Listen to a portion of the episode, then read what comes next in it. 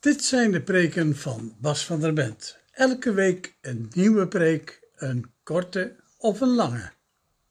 Allereerst de lezingen. De lezingen uit de Bijbel zijn uit de vertaling van de NBV 21. De eerste lezing is uit het boek Numeri, hoofdstuk 27, de versen 12 tot en met 23. De Heer zei tegen Mozes: Beklim deze berg in het Abarim-gebergte zodat je kunt uitkijken over het land dat ik de Israëlieten geef. Wanneer je het gezien hebt, zul je met je voorouders verenigd worden, net als je broer Aaron. Dat is omdat jullie in de woestijn van Sin, toen de Israëlieten met verwijten kwamen over water, tegen mijn bevel zijn ingegaan en in hun bijzijn geen ontzag hebben getoond voor mijn heiligheid. Dat was het water van Meribad. Van Meribad Kaedes in de woestijn van Sim. Mozes antwoordde de Heer, mogen de Heer de God die aan al wat leeft, de levensadem schenkt, aan dan iemand over het volk aanstellen die het kan leiden en de troepen kan aanvoeren, zodat het volk van de Heer niet wordt als een kudde schapen zonder herder. De zei tegen Mozes, laat Joshua, de zoon van Nun, bij je komen. Hij is een man die geestkracht bezit. Leg hem de hand op en laat hem plaatsnemen voor de priester Eleazar en voor de hele gemeenschap. Draag ieders aanwezigheid de leiding aan hem over en laat hem delen in het aanzien dat jij geniet. Dan zal heel Israël hem voortaan gehoorzamen. Wanneer er een beslissing moet worden genomen, moet hij zich tot de priester Eleazar wenden. En die raadpleegt dan ten overstaan van de Heer de orakelstenen. Zijn uitspraak bepaalt of Jozua met de andere Israëlieten een veldtocht moet ondernemen of niet. Mozes deed wat de Heer hem had opgedragen. Hij liet Jozua bij zich komen, liet hem plaatsnemen voor de priester Eleazar en voor de hele gemeenschap legde hem de handen op en droeg de leiding aan hem over. Zo had de Heer het bij monden van Mozes bevolen. De lezing uit het Evangelie komt vandaag uit het Evangelie naar Johannes, het tiende hoofdstuk, de versen 22 tot en met 30. In Jeruzalem werd het feest van de tempelwijding gevierd. Het was winter. Jezus liep in de tempel in de zuilengang van Salomo. Daar kwamen de Joden om hem heen staan en ze vroegen hem: Hoe lang houdt u nog, ons nog in het onzekere? Als u de Messias bent, zeg het ons dan ronduit. Jezus antwoordde: Dat heb ik u al gezegd, maar u gelooft het niet. Wat ik in naam van mijn vader doe, getuigt over mij. Maar u wilt me niet geloven, omdat u niet bij mijn schapen hoort. Mijn schapen luisteren naar mijn stem. Ik ken ze en zij volgen mij. Ik geef ze eeuwig leven. Ze zullen nooit verloren gaan en niemand zal ze uit mijn hand roven. Wat mijn vader mij gegeven heeft, gaat alles te boven. Niemand kan het uit de hand van mijn vader roven. En de vader en ik zijn één.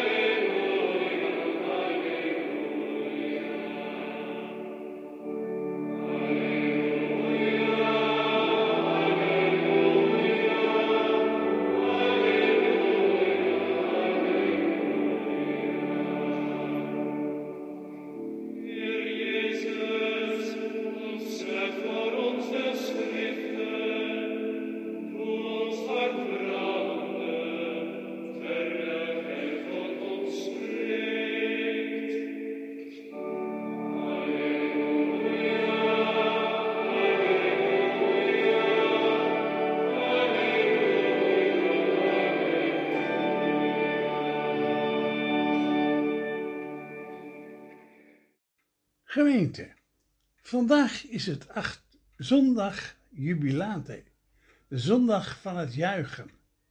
Van ouds klinken op deze zondag de verhalen van de goede herder.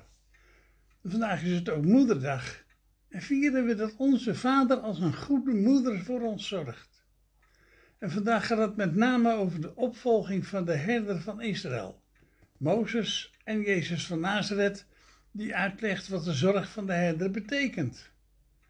Zondag met de verhalen over de goede herder leverde vroeger nogal eens romantische beelden op van vrolijke herders en herderinnetjes die hun tijd verdeden met het spelen met zachtwolle schaapjes met witte voetjes. Van die schaapjes die hun melkserzoetjes dronken.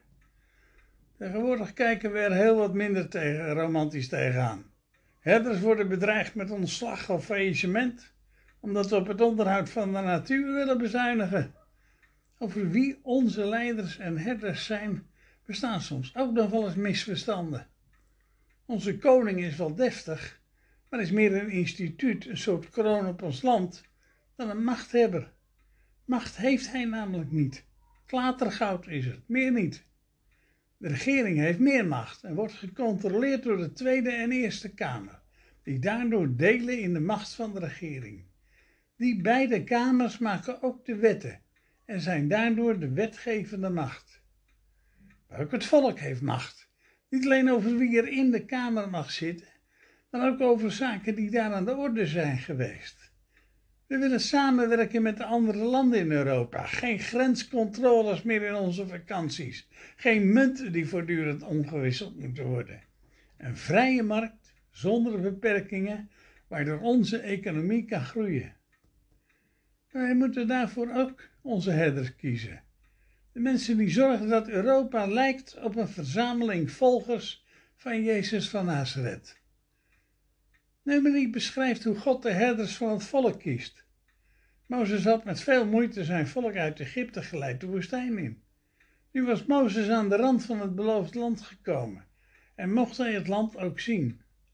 Hij beklom daartoe een hoge muur. Tenminste, als je vanuit Israël over de Jordaan kijkt, dan rijst het Abarim-gebergte daarop als een hoge muur.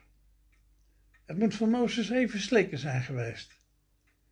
Zijn hele leven was hij bezig de dood van Egypte te ontlopen, zijn volk te bevrijden uit de slavernij en hen door de woestijn te leiden naar het land overvloeiende van melk en honing. Onderweg hadden ze tal van problemen getrotseerd. Een onwillige farao die met al zijn strijdwagens was gebleven in de Rode Zee, morrende Israëlieten, vijandige stammen en natuurlijk de woestijn zelf. Onderweg was ook de wet van de woestijn ontdekt, een complete set richtlijnen voor de menselijke samenleving. Het volk had geleerd dat er maar één God was. En dat dienen van die God betekent dat je je naaste lief hebt als jezelf. Dat je in de woestijn niet kunt overleven als je niet onverwaardelijk op elkaar kunt bouwen. Daarom ook mocht Mozes het beloofde land niet in. Op één moment had hij zich boven het volk gesteld, gedaan of hij beter was en macht had om het volk te drinken te geven. Hij had zich opgesteld of hij God zelf was. En nu wordt hij weer gelijk aan het volk. Hij vraagt om een opvolger te mogen aanstellen en wel iemand die in staat zal zijn het volk te leiden in de strijd die nodig zal zijn om het land Israël in bezit te nemen. Het wordt Joshua, een van de verkenners die al eerder dat beloofde land hadden verkend en die bewezen had niet bang te zijn, zelfs niet voor de reuzen die ze waren tegengekomen, maar op God te vertrouwen. Als de liefde zegt dat delen het meest rechtvaardig is, dan is het ook. En dan zijn degenen die niet willen delen in het ongelijk. De overdracht van de macht gaat onder leiding van de priester. Die priester spreekt recht en gaat over de uitleg van de wet. Het verschil tussen priester en leider was dat de priester door God geroepen was, van nature tot priester was bestemd, en de leider aangesteld werd op voordracht van het volk, hier vertegenwoordigd door Mozes. Zo is het toch in onze dagen in de landen van de democratie. De rechterlijke macht is onafhankelijk en de leiders van de staat worden gekozen door het volk. Soms proberen leiders daar onderuit te komen. Maar als we blijven lezen in de Bijbel, zullen we elke keer herinnerd worden aan hoe het ook alweer behoort te zijn. Een leider is er voor het volk en het volk is er niet voor de leider. Ook in de discussie die Jezus van Nazareth voert in de tempel te Jeruzalem wordt dat duidelijk. Hij werpt zich op als beschermer van zijn volgelingen en niet als heerser over zijn volgelingen, die als ruil voor dat heersen een luxe leventje krijgen. Het verhaal begint bij het feest van de tempelwijding. Nu was de tempel in Jeruzalem eigenlijk een raar gebouw. In een tempel kwam je immers een God aanbieden. Er waren priesters die de rituelen voor die God in stand hielden en er stond een groot beeld van de God waaraan de tempel was gewijd. De tempel in Jeruzalem was iets heel anders. Daar stond geen beeld van de God van Israël. Daar mocht zelfs geen beeld staan. Iedere keer als de Romeinen probeerden er beelden neer te zetten van een keizer of van een god, dan kwam er weer een opstand. Er werden wel offers gebracht. Maar dat deden de gelovigen zelf en de priesters en de levieten aten die offers op. Ze leefden ervan. Ze aten niet stiekem in het verborgene de op, offers op, zodat, zoals in de tempels van de heidenen gebeurde. Het was juist de bedoeling dat ze het vlees van de offers en het brood dat werd geofferd opaten. Alleen het bloed dat werd over het altaar gesprenkeld, want in het bloed zat immers het leven dat door God was geschonken en dat nu weer naar God kon terugkeren. Dat openlijk eten van offervlees was voor de heidenen iets godslasterlijks. Je moest je God immers in leven houden door de offers. In de tempel in Jeruzalem werden de richtlijnen voor de menselijke samenleving bewaard. Die mogen in de praktijk gebracht worden en daarvoor wordt God gedankt. Het begint volgens het boek Deuteronomium in de tempel, door er een maaltijd te houden met je familie, de priesters en de levieten, je knechten, je slaven en slavinnen, de armen uit je omgeving en de vreemdelingen die bij je wonen. Een dergelijke maaltijd moest je drie maal per jaar houden. De offers die je bracht, s morgens en s avonds, als je vrede had weten te stichten of bij bijzondere gelegenheden, waren tekenen dat je bereid was te delen van al wat je bezat. Die hele wet uit de eerste vijf boeken van de Hebreeuwse Bijbel laat zich dan ook samenvatten als dat je God lief moet hebben boven alles en dat je dat doet door je naaste lief te hebben als jezelf. Het feest dat Jezus hier vierde kennen wij nog als het Chanukka-feest. Het gaat terug op het verhaal over de opstand van de Maccabeeën tegen de verplichting om in de tempel in Jeruzalem een beeld van Zeus te aanbidden. Jukas de Maccabeeën reinigt de tempel van alle heidense invloeden en ontsteekt weer het licht dat symbool staat voor het licht dat voor ons een licht op ons pad is. De boeken over de Maccabeeën zijn niet in de Bijbel opgenomen, ze zijn apocryf dat wil zeggen dat ze het waard zijn om te lezen, maar niet het gezag hebben dat Bijbelboeken wel hebben. De vraag die aan Jezus wordt gesteld is dan ook wanneer Jezus zijn messiaans koningschap op zich zal nemen en de tempel in Jeruzalem zal herbouwen. De bevrijder van Israël, de Messias, zal immers het rijk van koning David herstellen. Maar zoals er gesteld wordt, is het de vraag die Israël stelde aan Samuel. Geef ons een koning zoals de heidenen hebben, opdat onze vijanden verslagen worden. Johannes had al een paar keer beschreven hoe Jezus het koningschap ontvluchtte. Na de spijziging van de vijfduizend bijvoorbeeld. Jezus van Nazareth is niet een koning zoals de heidenen die wensen. Hij is geen koning die met pracht en praal en met een hermelijnen mantel ingehuldigd wordt te midden van de machtigen van de natie. Een koning waarvoor speciale militaire uniformen zijn ontworpen die hem als koning kenbaar maken. Als we in Jezus zo'n koning zoeken, dan geloven we niet echt in de Christus.